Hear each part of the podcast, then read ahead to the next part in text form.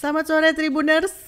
Kembali lagi di Tripod Tribun Podcast bersama Mas Danang dan teman-teman. Nah, di sini kita kayaknya rame ya, Mas. Hmm. Kita Siapa sih? nih? Kita ngajak ngobrol Akira sama Renhat ini. Ngapain di sini? Paguyuban ojek offline bang. Nah, terus itu ngapain tuh? Ini, ketuanya pak. Di sini ada Mas Akira. Mas Akira, Advertising Manager Tribun Batam. Dan ada Renhat selaku siapa sih dia ini? Advertising Superintendent. Iya, Advertising Superintendent. Nih. Aku sambil ngirim laporan ke bos dulu ya. Waduh, Pak. Aduh, berat. Aduh, aduh. Ini WA tetap nyala. Kita mau ngobrolin apa sih? Promosi. Ayo, nanti kita minta Akira inilah cerita soal promosi. Iya. Mm-mm, sama Renhat. Siap, Ini langsung komandan-komandan komandan-komandannya Tribun Batam nih. Iya. siap. Kebetulan usaha saya macet nih, Mas. Waduh. iya iya iya. Iya iya iya. Bisa nanya-nanya soal promosi ya. Iya, Iya. siap siap siap. Kebetulan kita memberikan solusi emang mbak ke banyak orang. Wes. Iya. Kita adalah solusi bagi bangsa ini. Terima kasih. Boleh berkonsultasi dengan saya di nomor di bawah ini ya. Iya. Iya. Jadi Renat dan Akira ini kan kalau di di Tribun dia sebagai media konsul, konsultan gitu kan. Nanti Akira cerita lah. Ini kan eh, sekarang ya kembali lagi nih gara-gara corona ini kan banyak bisnis yang Berdampak ya. Kacau. ah, banyak Banyak terdampak lah. Ya. terombang-ambing ya. Terus sekarang istilah kata kunci survive itu sering muncul di di semua pelaku bisnis. Yes. Nah, nanti Akira suruh cerita. Cerita apa Kit? Nit. Nggak usah makanya tegang-tegang gitu. Ini biasa biar tegang aja. biar kesannya serius Kami gitu. bukan kan bukan klien, kan Iya, bukan iya, betul, klien. Tapi eh, penting eh, apa? Kalau mungkin teman-temannya sering ketemu klien nih, ternyata eh, sering kan kita menemukan klien-klien yang yang panik gitu, kan. kadang akhirnya eh, karena omsetnya turun, Turun, Iya. ya, jualan su- sulit, Sulit. Mereka jadi nggak aduh, sebenarnya butuh nggak sih kayak Pro- promosi ini nah gitu. itu kan di kondisi seperti ini Seperti tetap harus ini. berpromosi nggak gitu? Iya, kayak kayak apa? Mau berpromosi salah, kita nggak punya duit, kita harus hemat duit. Tapi di satu sisi kita juga harus berpromosi, nanti ditinggal sama pelanggan. Nah, jadi seharusnya seperti apa sih kita harus? Kir menurutmu gimana Kir? Ya. Oke, jadi Mas Danang Mbak Nita. Emang banyak dari kita temuin itu kalau kita ke klien ya, banyak kita temuin itu mereka merasa karena lagi pandemi gini, pendapatan itu berkurang, otomatis mereka keluarlah kata kita sedang berhemat. Ya, gitu. Kita kan. harus berhemat. Kita harus berhemat, gitu kan. Padahal ya, ah, terus itu sebenarnya kata menolak atau karena Nah itu itu Kamu, bisa kamu, banyak faktor. kamu ditolak atau memang emang Sepertinya bisa bisa banyak faktor. ya. halus ya? Tapi nggak banyak juga yang dari mereka menyampaikan ya kita lagi lagi dalam posisi seperti ini, kita lagi berhemat. Mungkin mereka punya punya budget, bukan yang nggak punya, tapi mereka bilang berhemat. Terus kita datang dengan berpromosi, gitu kan. Terus ini dalam hati yang bener aja dong orang lagi berhemat tapi datang berpromosi. Cuman sebenarnya poinnya gini, kalau kita ngomongin uh, berpromosi dan kita ngomongin hemat, uh, hemat itu jadi satu hal yang sifatnya itu relatif. Kalau kita bicara jasa ya, gitu kan. Kalau kalau mungkin ada uh, apa cuci mobil yang harganya lima puluh ribu, tapi cuman cuci biasa asal-asalan sama yang harga seratus ribu tapi lebih bersih dicuci dalamnya ya sebenarnya lebih hemat yang mana? Ya ini ini jadi relatif tergantung akhirnya tergantung orang memper- menilai persepsi kan? Berarti feedbacknya gitu. kurang lebih seperti itu. Jadi ya misalnya gini kita ngeluarin uang 10 juta terus kita dapat feedback 100 juta. Dengan kita mengeluarkan uang 30 juta dan dapat feedbacknya satu miliar. Nah kalau udah ngomong kayak gini mana yang lebih hemat? Jadinya hal yang membingungkan hemat ini. Kalau patokannya cuma angka ya jelas lah yang lebih murah. Pasti lebih hemat. Kalau kita hanya bicara angka aja ya. Cuman ya seperti itu. Hemat itu jadi sesuatu yang pada akhirnya agak ambigu gitu loh kata-kata hemat itu gitu. dan memang faktanya di di lapangan kita sering jumpain apa eh, apa eh, berpromosi itu apa pengeluaran biaya nggak sedikit gitu kan ya kan betul betul itu Atau memang eh, klien sering nyebutnya kita lagi nggak punya budget gitu ya? Iya, Gitu, bisa Bapak. kalau Renhat? Iya, itu ekstrimnya tapi kalau sekarang ngelesnya yaitu Hemat apa ya. ah, masih banyak eh, pelaku bisnis apalagi UMKM itu eh, berpromosi itu biaya Hmm. gitu mereka tidak berpikir sampai aku mengeluarkan biaya segini Sekian. tuh Efeknya. feedbacknya apa, apa ya. gitu, Iya. gitu. atau memang edukasi ke si maksudnya si kliennya itu perlu juga sebenarnya untuk mengatakan bahwa ini sebenarnya budget promosi sekian itu ya lu dapetnya sekian gitu Iya, dapat feedbacknya begitu Benar. Hemat. Apa Ren? Hemat tuh gimana Ren? Iya, jadi sebenarnya kalau ngomong soal hemat nih mirip-mirip nih sama Mas Akira nih. Jadi ya sebenarnya aku kurang setuju ya penggunaan kata hemat itu karena menurut aku ya dengan menggunakan kata hemat itu mendistract pemikiran para orang-orang pelaku bisnis di luar sana lah. Ya kan hemat juga bisa jadi dia pelit atau hemat nggak punya duit kan bisa jadi kan banyak kemungkinan lah. Ya aku juga selalu ingat itu kayak analogi-analogi kalau eh, ya hemat bukan menjadi suatu patokan yang penting terukur. Ya kayak misalnya gini ada ada datang ke B si A bilang eh lu mau beli rumah ya? Oh iya nih aku mau beli rumah. Terus si A lagi bilang eh nggak usah beli bangun aja sendiri. Kalau beli itu lebih mahal lo yang ready stock. Mending bangun dah. Kalau dikalkulasi semua bener. Ternyata lebih irit. Tapi setelah dilakukan dengan RAB segala macam yang belum matang cuma dia nekat aja pada akhirnya ternyata hasil akhirnya itu dia justru lebih mahal ya kenapa? Karena dia nggak nggak konsis dia nggak tahu celah-celahnya dan segala macam jadi penggunaan kata hemat juga kadang bisa jadi beresiko loh kalau kita nggak tahu tahu celahnya segala macam nah hal-hal ini juga bisa disambungkan dengan iklan nih. Nah kan dalam iklan itu kan kalau kita ngomong goalsnya ya ada tiga lah. Apalagi kalau kita ngomong soal digital marketing. Misalnya ada eh, iklan yang untuk awareness ada iklan yang consideration ada yang conversion kalau aku nganalogian ini kayak cowok-cowok predator di luar sana nih yang lagi deketin cewek Contohnya Siapa gitu. tuh?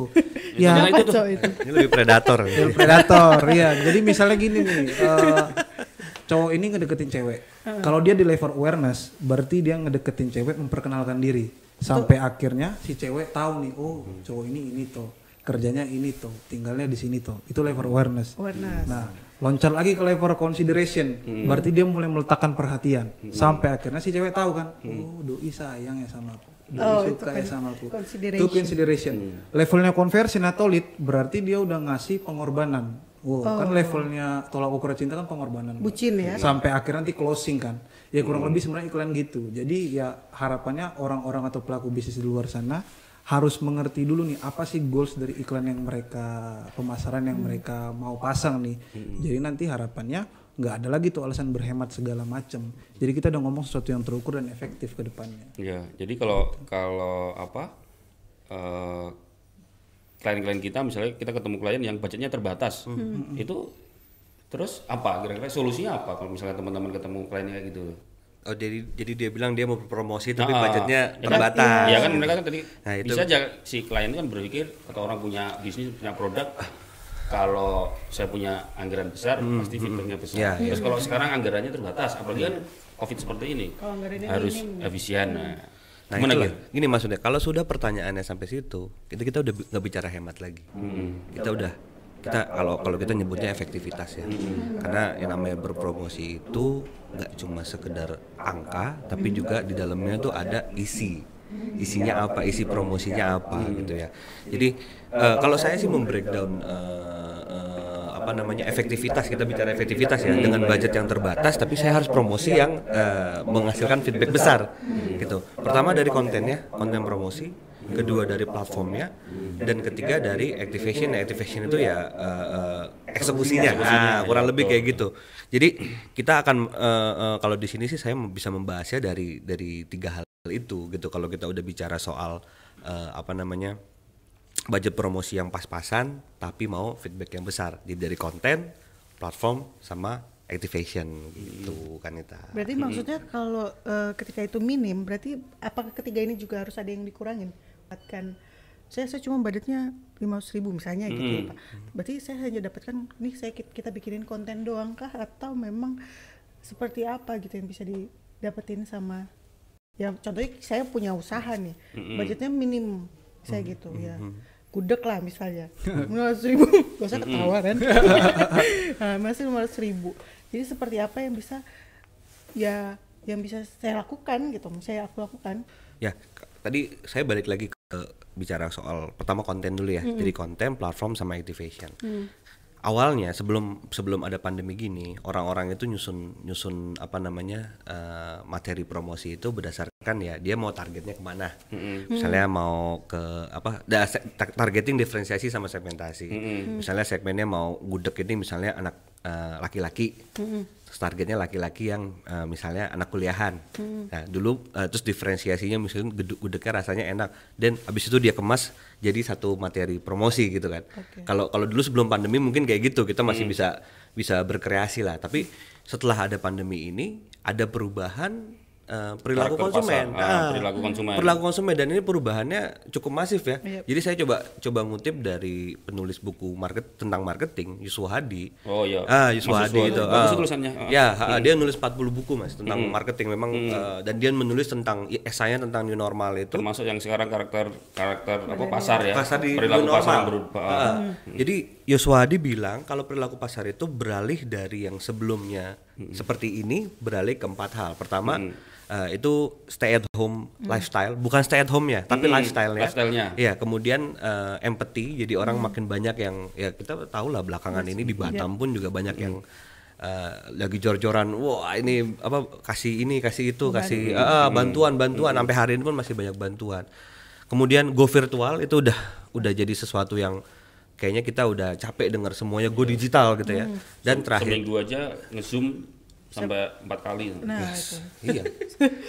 Zoom, Zoom meeting ya, Zoom meeting dan webinar gitu. Iya itulah udah kita udah dengar itu udah udah jadi keseharian kita hari ini.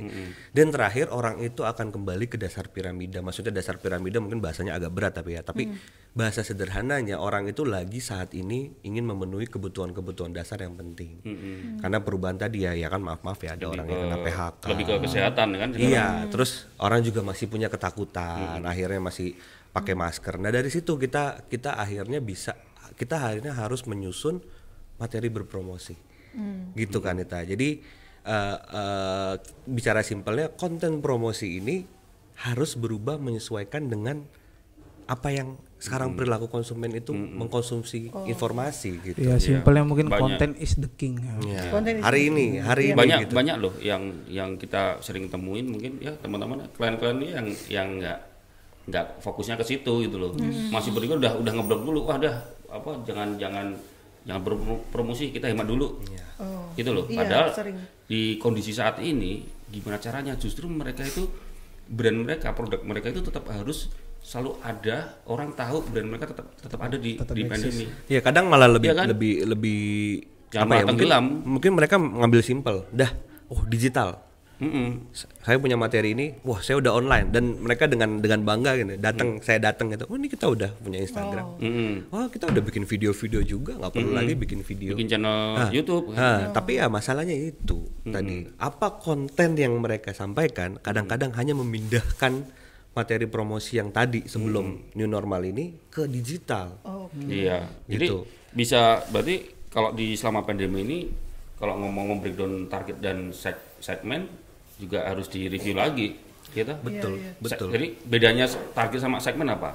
Apa Ren? Apa, Ren?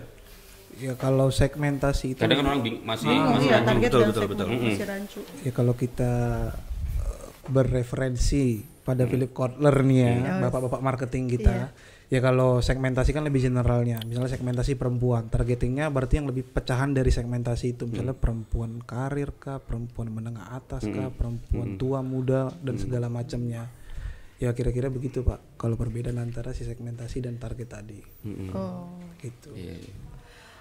Jadi kalau menurut eh, sebenarnya bagaimana sih isi konten yang maksudnya contoh nih salah satu misalnya contoh konten yang menarik lah. Menyesuaikan di, Iya, di, saat pandemi, pandemi ini konten-konten yang seperti, seperti apa? Ini, ini ada ada yang ada yang unik sebenarnya. Kalau kalau kita brand kita itu misalnya contoh apotek atau jualan APD, wah itu gampang orang udah nyari. Tapi sekarang gimana kasusnya kita menghadapi kita sebagai konsultan ya, konsultan media berpromosi menghadapi brand yang sifatnya itu luxury. Mm-mm. Luxury itu apa sih? Ya eh, motor pun akhirnya jadi, jadi luxury. Siapa sih orang lagi Properti. Properti itu. Ya, otomotif, otomotif mobil lah ya. mobil. Apalagi kayak hiburan-hiburan gitu kan. Apa eh, apa namanya tempat hiburan. Itu mereka lagi mungkin lagi lagi lagi nggak buka gitu ya. Agak susah gitu.